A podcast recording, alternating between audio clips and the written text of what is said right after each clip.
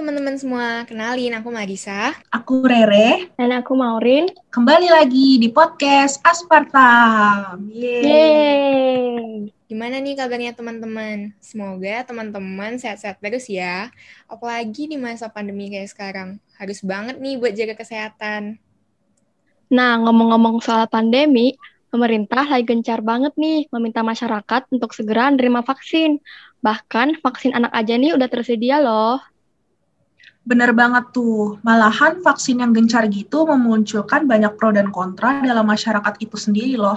Kemarin aku sempat dengar dan baca berita soal masyarakat yang khawatir sama efek samping vaksin. Katanya bisa sampai mempercepat kematian gitu.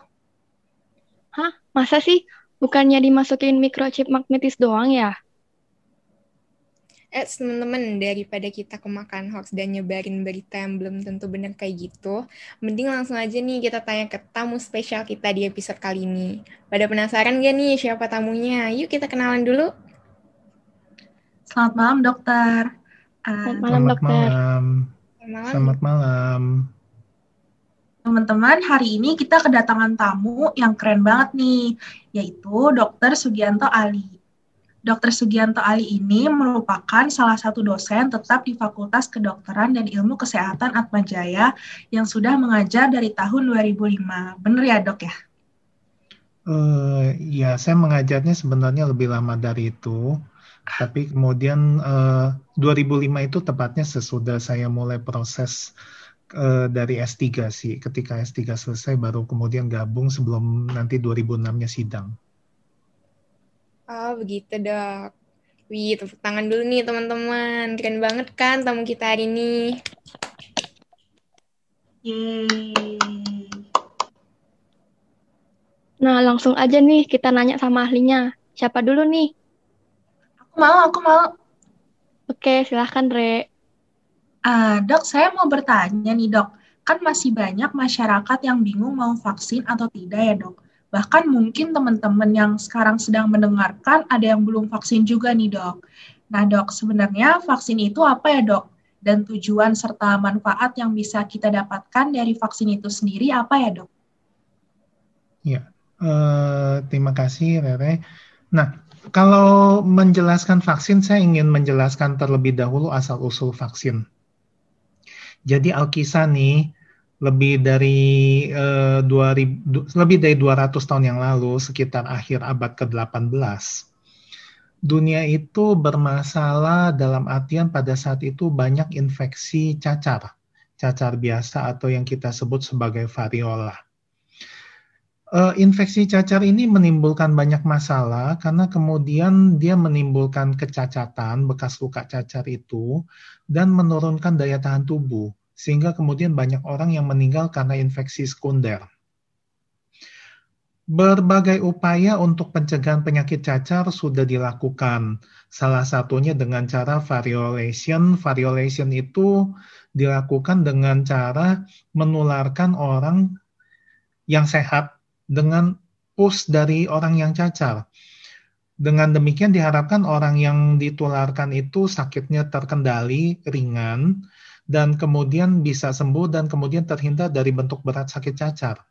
Tentu saja cara ini ada yang berhasil, tapi ada juga yang orang yang kena variolation itu malah jadi sakit cacar berat, bahkan bisa sampai meninggal. Tentu saja ini tidak ideal. Lalu ada seorang ilmuwan namanya Edward Jenner.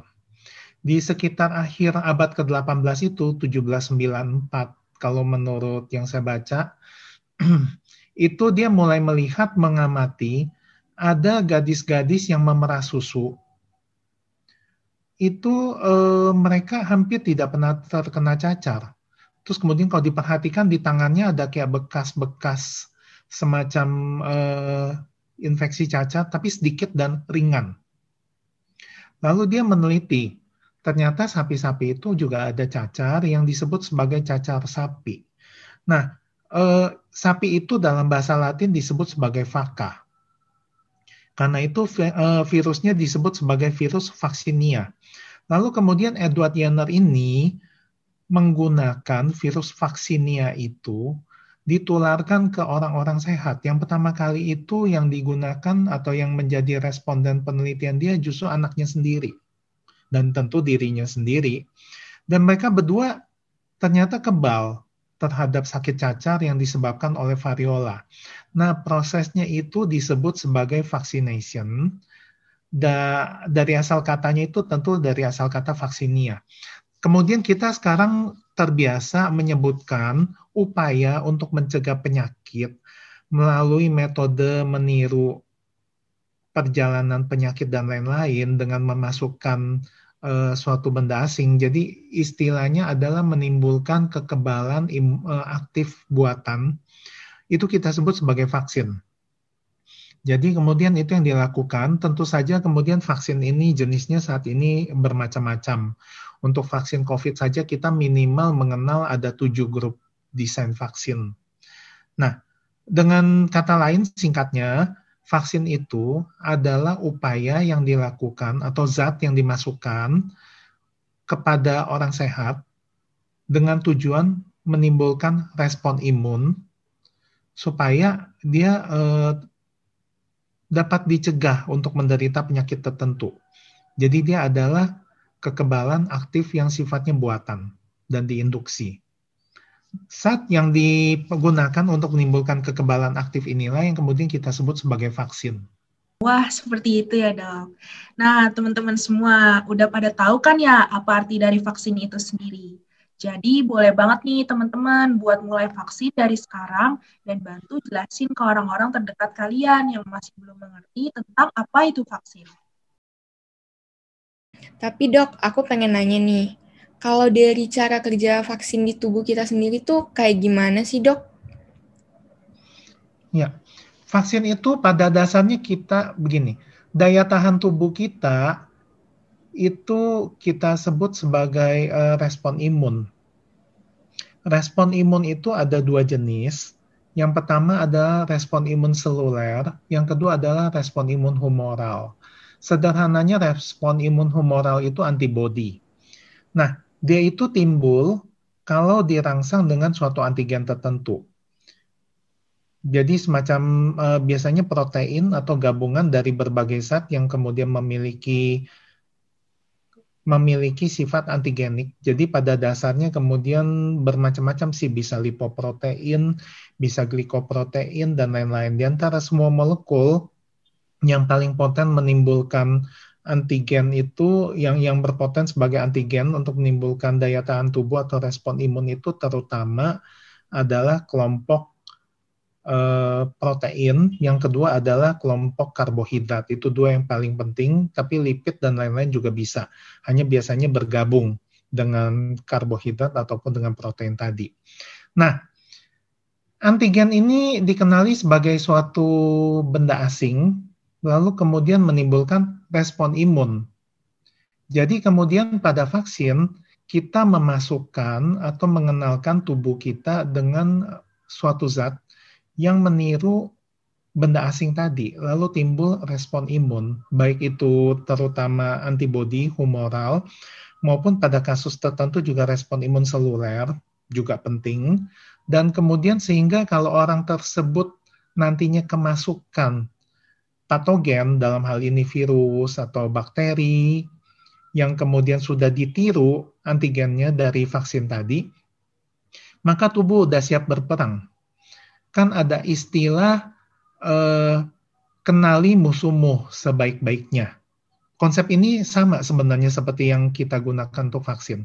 Jadi kalau kita tahu bahwa musuhnya itu patogen, tadi bakteri, virus, dan lain-lain, tubuh tuh dibuat supaya kenal dulu sehingga kemudian ketika masuk virus beneran, bakteri beneran yang bisa menimbulkan penyakit, maka kemudian tubuh sudah siap untuk memeranginya. Jadi konsepnya itu membuat tubuh mengenali musuhnya.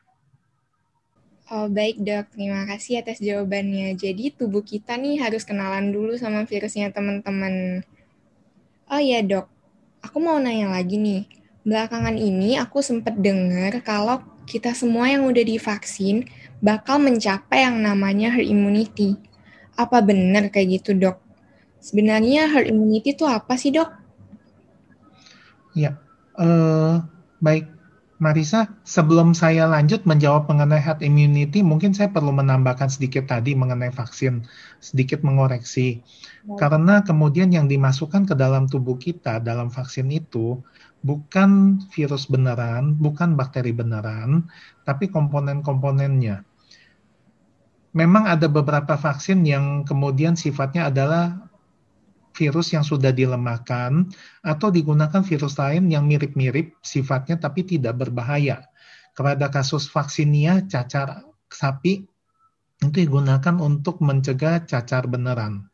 Jadi itu tadi penting untuk di uh, garis bawahi di sini karena kemudian di masyarakat kan beredar berbagai macam hoax. Penting untuk digaris bawahi bahwa yang dimasukkan, yang disuntikan dalam vaksin itu bukan virusnya sendiri, bukan virus itu sendiri. Jadi kalau dalam hal vaksin COVID, itu yang dimasukkan bukan virusnya sama sekali, memang ada desain yang virus yang dilemahkan, tapi bukan virusnya sendiri. Ini juga untuk menggarisbawahi karena di masyarakat beredar banyak hoax bahwa nanti disuntik malah jadi sakit. Padahal bukan demikian, karena yang disuntikan itu bukan virusnya. Nah, sekarang saya lanjut mengenai head immunity. Head immunity itu adalah kekebalan kawanan. Head itu kan kawanan. Jadi, head immunity itu tujuannya adalah memvaksinasi orang sebanyak mungkin, tapi tentu saja kategori sebanyak mungkin ini hampir tidak bisa 100%. Idealnya memang kemudian 100%.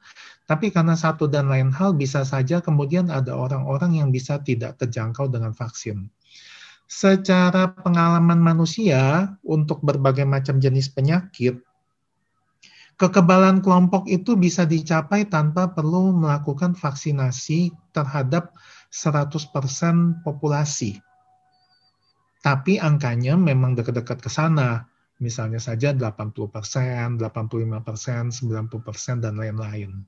Tentu e, bertanya-tanya dong, kenapa kemudian nggak 100% tapi bisa menimbulkan kekebalan populasi. Ini terutama benar untuk penyakit-penyakit yang sifatnya itu hanya penularan dari manusia ke manusia dan tidak ada reservoir lain. Tidak ada sumber penularan binatang misalnya kalau ada sumber penularan binatang, maka kemudian kita harus menghitung herd immunity tadi termasuk dalam hal itu adalah populasi dari hewan yang bisa menularkan tadi yang berpotensi menularkan. Tapi konsepnya kalau herd immunity itu kita bicara dalam tahapan yang sederhana, penularan hanya terjadi dari manusia ke manusia, maka kalau misalnya saja nih 80% penduduk populasi sudah divaksin, maka eh, dan dan ini tersebar merata ya tidak hanya pada kelompok tertentu. Jadi kemudian ini yang menjadi catatan nanti saya akan singgung lagi kenapa eh, penting bahwa vaksinasi itu herd immunity ditargetkan misalnya saja 70%, 80%, 90% itu harus tersebar merata di populasi. Uh, jadi pada dasarnya kalau orang yang belum divaksin kebetulan terkena penyakit, maka yang sakit cuma dia saja dia nggak bisa menulari lingkungan sekitarnya karena 70% tetangga-tetangganya, orang-orang di sekitarnya itu sudah memiliki kekebalan. Sebaliknya, kalau perkenalan pertama masuknya ke orang yang sudah divaksin, maka yang bersangkutan bisa ter, eh, bisa ter bisa terhindar dari terkena penyakit dan kemudian dia tidak menulari orang yang 10% yang tidak divaksin ini. Nah, itu konsep utama dari herd immunity. Saya kemudian ingin menyinggung sedikit uh, dua hal terkait dengan herd immunity ini. Yang pertama tadi saya sempat menyinggung bahwa penting penyebarannya itu merata. Karena kalau penyebarannya itu tidak merata, misalnya saja tadi disebutkan 80% populasi sudah tervaksinasi, memiliki kekebalan. Tapi yang 20 persennya ini berkumpul di suatu daerah tertentu. Maka begitu penyakitnya masuk ke 20 persen ini, maka 20 persen ini habislah terkena sakit semua. Jadi eh, itu yang tidak diinginkan. Karena itu ingat bahwa WHO dan pemerintah banyak negara juga yang dianut oleh Kementerian Kesehatan tentunya, istilahnya itu we are not safe until everybody is safe. Jadi kemudian dalam hal vaksin ini, uh, vaksin COVID terutama, itu kan ada ketimpangan sosial. Kita itu termasuk vaksinnya itu sulit didapat, walaupun kemudian sebenarnya sudah lebih beruntung dibandingkan banyak negara Afrika. Tapi negara-negara besar produsen vaksin seperti uh, Eropa, Eropa Barat dan Utara, kemudian Amerika dan beberapa negara lain, itu mereka yang sudah divaksinasi mencapai lebih dari 50 persen. Sementara kita mungkin angkanya masih sekitar yang sudah vaksinasi dua kali itu kurang dari 10 persen. Kalau di total yang sudah vaksin minimal sekali mungkin sudah sekitar 15-16 persen. Jadi kita pun sudah jauh tertinggal. Singapura itu sudah sekitar 53 persen yang divaksin. Tapi kita sudah jauh lebih beruntung dibandingkan dengan negara-negara Afrika. Negara Afrika itu ada beberapa yang belum mendapat vaksin sama sekali. Jadi itulah concern dari WHO bahwa kemudian tolong vaksin itu penyebarannya merata. Kalau penyebarannya tidak merata, maka akan selalu ada kantong-kantong yang menjadi sumber penularan baru. Itu catatan pertama bahwa penting untuk mencapai herd immunity, penyebaran vaksin itu juga merata di populasi. Tanpa penyebaran yang merata, maka upaya vaksinasi itu sia-sia. Karena itu motonya adalah we are not safe until everybody is safe. Yang kedua, mengenai herd immunity ini sebenarnya juga ada sedikit perbedaan juga. Ada kekebalan yang ditimbulkan, lalu orangnya itu terhindar dari penyakit sama sekali. Yang kedua adalah kekebalannya tersebut tidak mengcover atau tidak sempurna. Orangnya masih bisa sakit, tapi bentuk sakitnya ringan di masyarakat dalam pengalaman manusia kita kenal ada beberapa vaksin yang termasuk kategori yang kedua ini sebenarnya tidak selalu kategori yang pertama. Pada kategori yang pertama itu misalnya saja penyakit campak, penyakit polio itu bisa jadi masuk kategori yang pertama. Tapi yang kategori kedua ini misalnya saja vaksin BCG. Kemudian yang lain Ya, contohnya vaksin BCG lah yang paling sederhana. Orang yang sudah di mendapat vaksin BCG itu terhindar dari penyakit berat, tapi tidak selalu terhindar dari sakit tuberkulosis. Nah, dalam kasus tersebut, maka herd immunity itu kategorinya berbeda. Karena orang tetap bisa sakit, hanya sakitnya relatif ringan, tidak mengalami bentuk berat penyakit dalam kasus yang kedua itu, maka penting orang yang sudah divaksin itu tidak boleh berlaku semena-mena. Dia tetap harus memperhatikan protokol kesehatan. Karena pertama, dia masih mungkin terinfeksi. Dan kalau terinfeksi, untungnya dia bentuknya ringan. Tapi begitu dia terinfeksi bentuk ringan, maka dia berpotensi menulari lingkungannya yang belum divaksin tadi jadi kemudian dalam kasus COVID, sebenarnya sejauh ini vaksin-vaksin yang ada tampaknya lebih ke arah yang kedua ini. Eh, efikasi dari vaksin untuk mencegah penyakit itu tidak 100%. Tapi untuk mencegah bentuk sakit berat, untuk mencegah bentuk kematian akibat infeksi tadi, itu angkanya cukup tinggi, sekitar 90 persenan kalau untuk sakit berat dan uh, mencegah kematian 90% ke atas. Tapi uh, banyak yang tidak mencegah bentuk sakit ringannya. Jadi karena itu penting juga digarisbawahi di sini orang yang sudah divaksin pun tetap harus menjaga protokol kesehatan, mencegah dirinya menjadi sakit walaupun bentuk sakit ringan. Tapi yang penting juga ketika dia tidak sakit ringan, dia tidak menulari orang sekitarnya. Kalau dia sakit, walaupun dia sakit ringan, dia tetap menulari orang yang di sekitarnya. Baik, dokter. Berarti kalau boleh saya rangkum dari penjelasan dokter, jadi uh, herd immunity ini merupakan keadaan yang bakal tercipta dengan pemberian vaksin sebanyak-banyaknya. Jadi akan tercipta kekebalan pada masyarakat dan dapat mengurangi penyebaran penyakitnya ya dok. Dan vaksin ya. itu harus tersebar merata di setiap daerah. Benar ya dok ya? Ya, dan yang penting juga karena vaksinnya ini untuk kasus COVID ya, tidak 100% mencegah penyakit, tapi dia terutama mencegah bentuk berat penyakit dan mencegah kematian, maka mereka yang sudah divaksin pun harus menjaga protokol kesehatan supaya kemudian herd immunity tadi segera tercapai. Herd immunity tercapai kalau transmisi atau penularan dari orang ke orang itu bisa ditekan serendah mungkin. Baik, dokter. Terima kasih penjelasannya. Nah, oh ya teman-teman, aku juga punya berita baik nih buat kalian semua. Jadi beberapa minggu yang lalu, pemerintah ini sudah menyiapkan vaksinasi mobile buat masyarakat. Nah, bener banget, Mar. Sekarang pemerintah aja udah nyiapin vaksinasi mobile buat masyarakat nih. Yang aku denger sih, vaksinasi mobile saat ini udah tersedia di beberapa wilayah nih teman-teman. Vaksinasi mobile ini berfungsi untuk mendukung percepatan vaksinasi yang sedang dikejar pemerintah nih. Wah, benar banget tuh Mauren. Oh ya dok, uh, sekarang di Indonesia ini kan udah banyak jenis-jenis vaksin yang masuk ya dok ya. Kayak yang terkenal sekarang ada Sinovac, Pfizer, sama AstraZeneca. Uh, apakah perbedaan jenis vaksin itu mempengaruhi cara kerjanya dalam membentuk antibodi dok? Atau sebenarnya ada jenis vaksin yang lebih baik ya dok? Ya, Uh, saya mungkin sedikit koreksi uh, pernyataan tadi ya. Pemerintah pertama-tama yang mendapat uh, vaksin itu melalui kerjasama, kan kita juga terlibat dalam uji kliniknya, itu adalah Sinovac.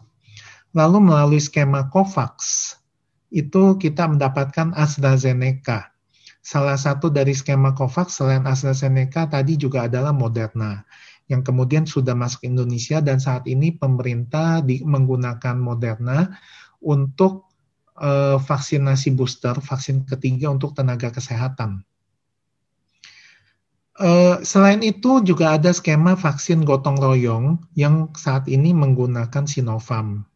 Nah, untuk Pfizer sendiri sebenarnya kemarin itu baru kontrak antara pemerintah dengan Pfizer dan BioNTech untuk membeli 50 juta dosis vaksin, tapi Pfizer belum masuk Indonesia. Jadi itu yang perlu digarisbawahi. Nah, vaksin ini sebenarnya jenisnya eh, macam-macam. Tadi sempat saya singgung ada tujuh jenis desain vaksin untuk COVID-19. Yang pertama adalah vaksin inaktivasi, itu contohnya adalah Sinovac dan Sinopharm. Kemudian ada vaksin yang bentuknya itu messenger RNA, yaitu Pfizer dan uh, Moderna salah satunya, tentu ada yang lain. Kemudian ada yang uh, vektor virus. Vektor virus itu contohnya AstraZeneca dan yang lain juga CanSino dan Gamaleya ya, yang Sputnik. Ada lagi beberapa yang lain. Kemudian ada protein subunit, ada viral-like particle, virus-like particle, dan uh, ada beberapa jenis lah. Yang uh, AstraZeneca itu sebenarnya vektor vaksin, dia juga sebenarnya vektor vaksin itu ada dua jenis. Yang AstraZeneca termasuk non-replikatif vektor vaksin. Tapi ada juga yang sedang dikembangkan, belum belum lolos uji kliniknya, belum selesai. Itu ada yang disebut sebagai replicating viral vector vaksin. Kemudian juga ada live attenuated vaksin misalnya, live attenuated virus. Jadi virusnya sudah dimodifikasi dan sudah dilemahkan, tapi itu juga masih tahapan uji klinik. Oke, okay. uh, itu adalah jenis-jenis vaksin. Semua vaksin itu baik kalau kemudian dia memang uh, digunakan dengan cara yang tepat dan kemudian yang lebih penting lagi tersedia jadi kalau saran saya eh, sebenarnya antara Sinovac, Sinovac, Pfizer dan lain-lain tidak ada perbedaan banyak dalam mencegah bentuk berat penyakit. Memang kemudian ada beberapa jenis vaksin yang diklaim lebih unggul, terutama yang vaksin jenis messenger RNA. Tapi yang perlu disadari, vaksin jenis messenger RNA ini eh, kalau dalam mencegah kematian dan mencegah bentuk berat penyakit dia memang lebih unggul tapi tidak terlalu banyak. Kalau mencegah bentuk infeksi dia memang disebutkan lebih unggul berdasarkan penelitian. Tapi sekali lagi, penelitian itu dilakukan di daerah-daerah tertentu, negara-negara tertentu yang ketika dia berbeda populasi, maka kemudian hasilnya bisa sedikit bervariasi. Sinovac ketika diteliti di Indonesia, ketika diteliti di Turki, dan ketika diteliti di uh, saya lupa Brasil kalau nggak salah, Brasil atau Meksiko tapi Brasil kalau nggak salah. Itu hasilnya berbeda-beda.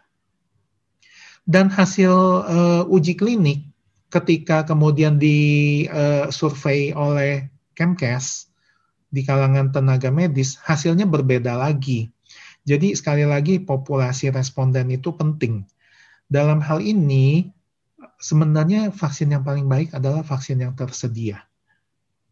Men untuk mendapatkan vaksin itu nggak mudah, dan eh, konsepnya tadi yang sebelumnya saya jelaskan di herd immunity, penting pemerataan vaksin.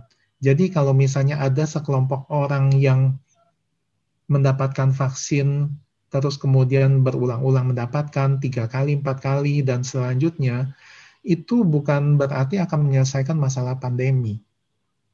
Masalah pandemi akan terus berlanjut. Tentu saja dalam kasus tertentu tenaga kesehatan itu kan lini depan, gata depan. Mereka yang paling sering kontak dengan orang-orang yang terinfeksi COVID. Mereka risiko yang paling tinggi.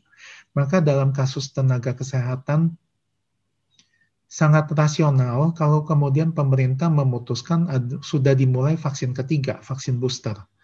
Tapi sekali lagi perlu diperhatikan bahwa untuk seluruh penduduk Indonesia itu vaksinnya masih terbatas. Yang sudah divaksinasi mungkin sekitar 15 persen, yang sudah vaksinasi lengkap dua kali itu mungkin belum mencapai 10 persen. Karena itu untuk masyarakat umum yang penting sudah vaksin dulu dan terhindar dari bentuk berat penyakit. Itu sih kalaupun tersedia, dia sifatnya juga akan terbatas dan yang penting usaya, upaya pemerintah itu kan saat ini memeratakan pemberian vaksin untuk seluruh rakyat. Memang kemudian ada prioritas-prioritas daerah-daerah yang kemudian penularannya tinggi itu di, dipercepat, sementara daerah yang relatif tenang mungkin akan butuh waktu lebih panjang. Tapi pada dasarnya tadi, konsep herd immunity, bahwa kemudian herd immunity itu tercapai kalau ada pemerataan vaksin. Jadi 70, 80, 90 persen yang tervaksinasi itu bukan mengelompok di kelompok orang tertentu, tapi pada seluruh populasi. Ya. Wah, terima kasih banyak dok.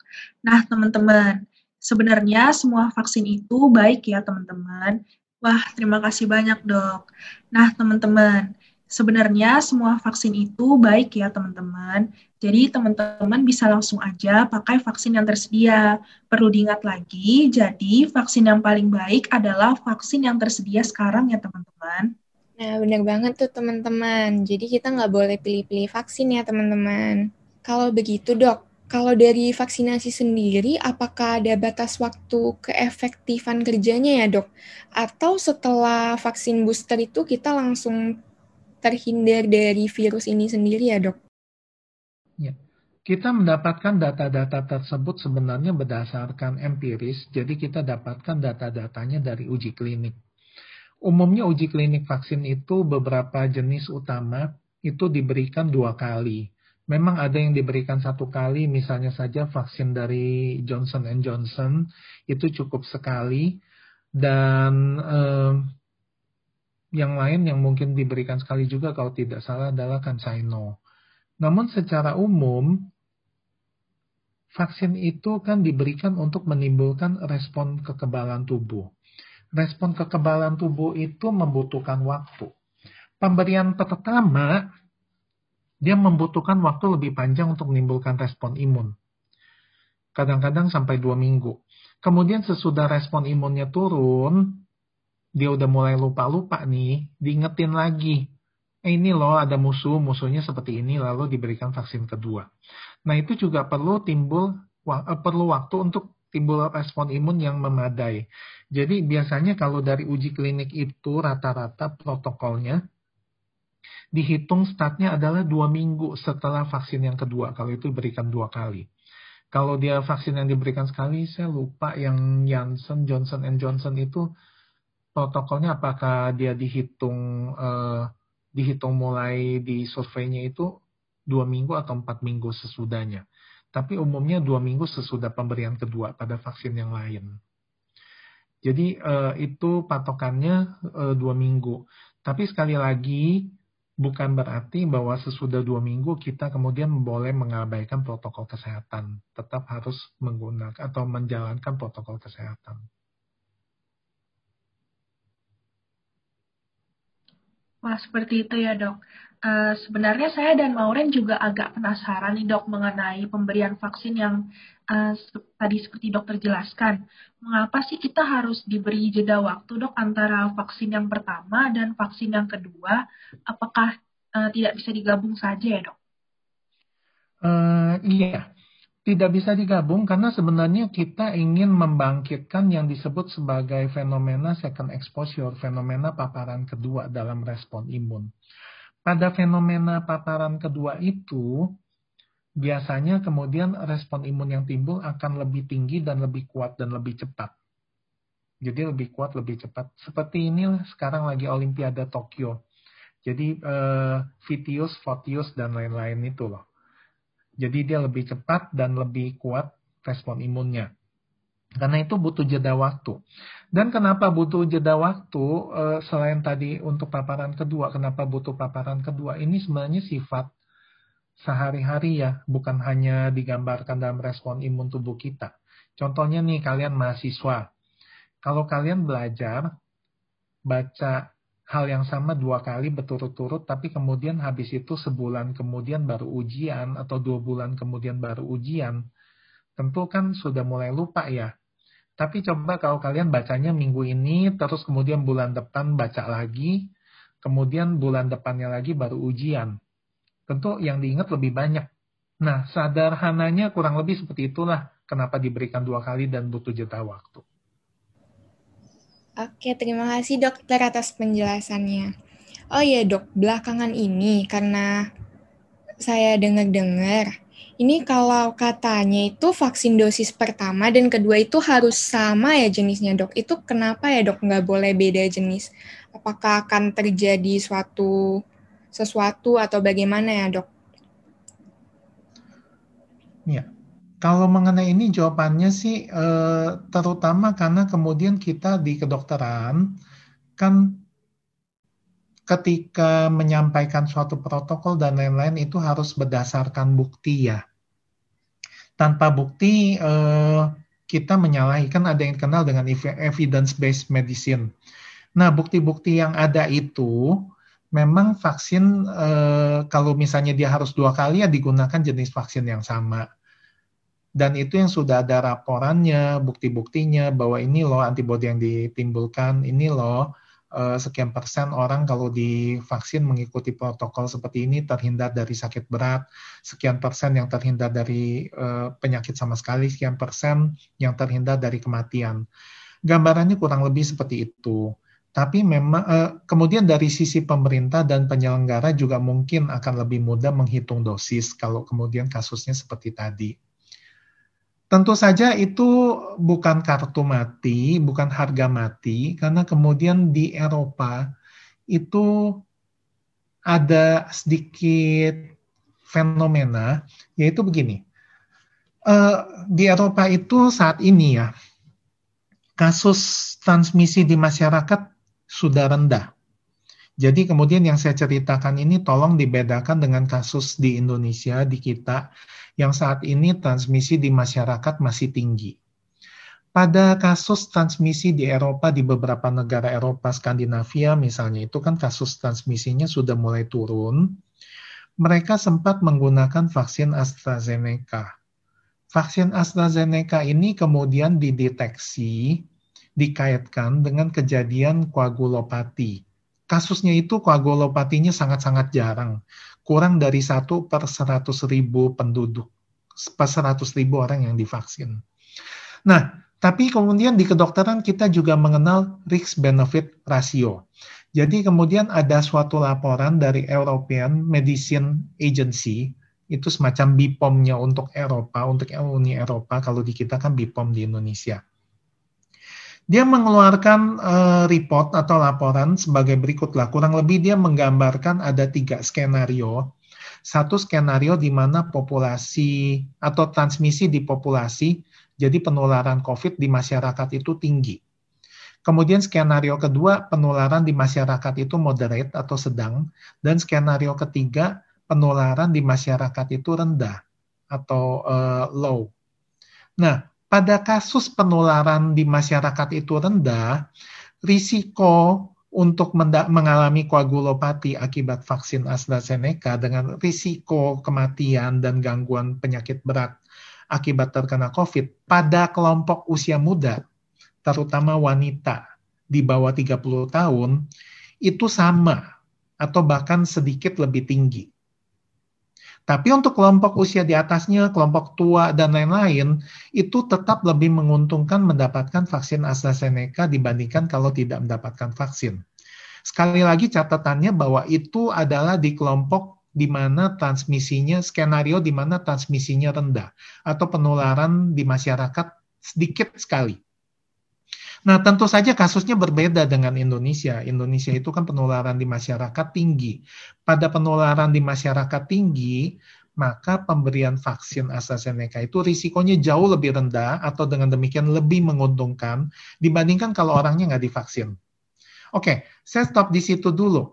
Nah, di negara-negara Eropa ini yang transmisinya sudah rendah, kan orang-orang yang terlanjur diberikan vaksin AstraZeneca sekali, itu kemudian eh, tidak lagi secara evidence, secara bukti, dan secara teori, risikonya akan lebih tinggi kalau diberikan vaksin AstraZeneca, terutama untuk wanita di bawah usia 30 tahun. Nah, untuk mereka itu di negara-negara Eropa tersebut, pemberian vaksin keduanya diganti dengan vaksin jenis lain.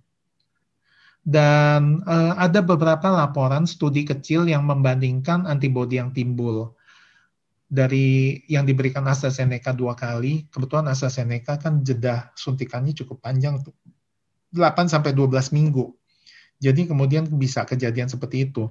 Dibandingkan dengan yang gabungan tadi, ada beberapa laporan secara umum menyebutkan lebih baik atau kemudian tidak berbeda, tapi tidak lebih buruk. Tapi sekali lagi itu kasus khusus pada kelompok khusus dan jumlahnya sedikit. Karena hanya, karena hanya terjadi pada wanita di bawah usia 30 tahun di negara Eropa tertentu. Baik, dokter. Terima kasih atas pemaparannya. Nah, teman-teman, jadi sekarang udah tahu ya mengenai gambaran besar mengapa jenis vaksin dosis dan pertama ini sama. Nah, bener banget tuh teman-teman. Jadi udah pada tahu kan ya sekarang tentang vaksin COVID-19 yang lagi gencar-gencarnya diberitakan nih. Pastinya bermanfaat banget ya penjelasan dari dokter Sugi. Bisa menambah pengetahuan juga nih. Oke teman-teman, dikarenakan keterbatasan waktu juga, sepertinya kita harus berpisah sampai di sini nih. Tepuk tangan dulu nih buat dokter Sugi. Yeay. Hmm. Terima kasih banyak. Mudah-mudahan yang disampaikan bisa berguna dan bermanfaat. Jadi uh, sekali lagi ya hal-hal yang penting kalau misalnya nanti pendengarnya ini adalah uh, kelompok mahasiswa bahwa kita harus kritis terhadap berbagai informasi uh, ditelaah karena itu penting bagi seorang uh, pelajar akademisi yang disebut sebagai lifelong learning dan kemampuan untuk mengolah informasi. Jangan sampai kemudian kita langsung percaya akan hal-hal yang sifatnya hoax atau sebenarnya tidak memiliki dasar klaim-klaimnya. Jadi dengan asumsi begitu, informasi dari saya juga jangan ditelan mentah-mentah, tapi kalian juga perlu cek ke literatur dan referensi yang ada. Terima kasih. Baik, terima kasih dok atas masukannya dan tambahannya. Oke, terima kasih Dokter Sugi sudah mau menyempatkan waktunya untuk menjadi narasumber di episode kali ini. Nah, teman-teman, untuk next episode pastinya nggak bakal kelas seru nih dari topik hari ini. Makanya pantengin terus ya podcast kita. Jangan lupa juga untuk follow kita di Spotify dan juga Instagram di @aspertam.fkikuaj. See you in the next episode. Bye-bye!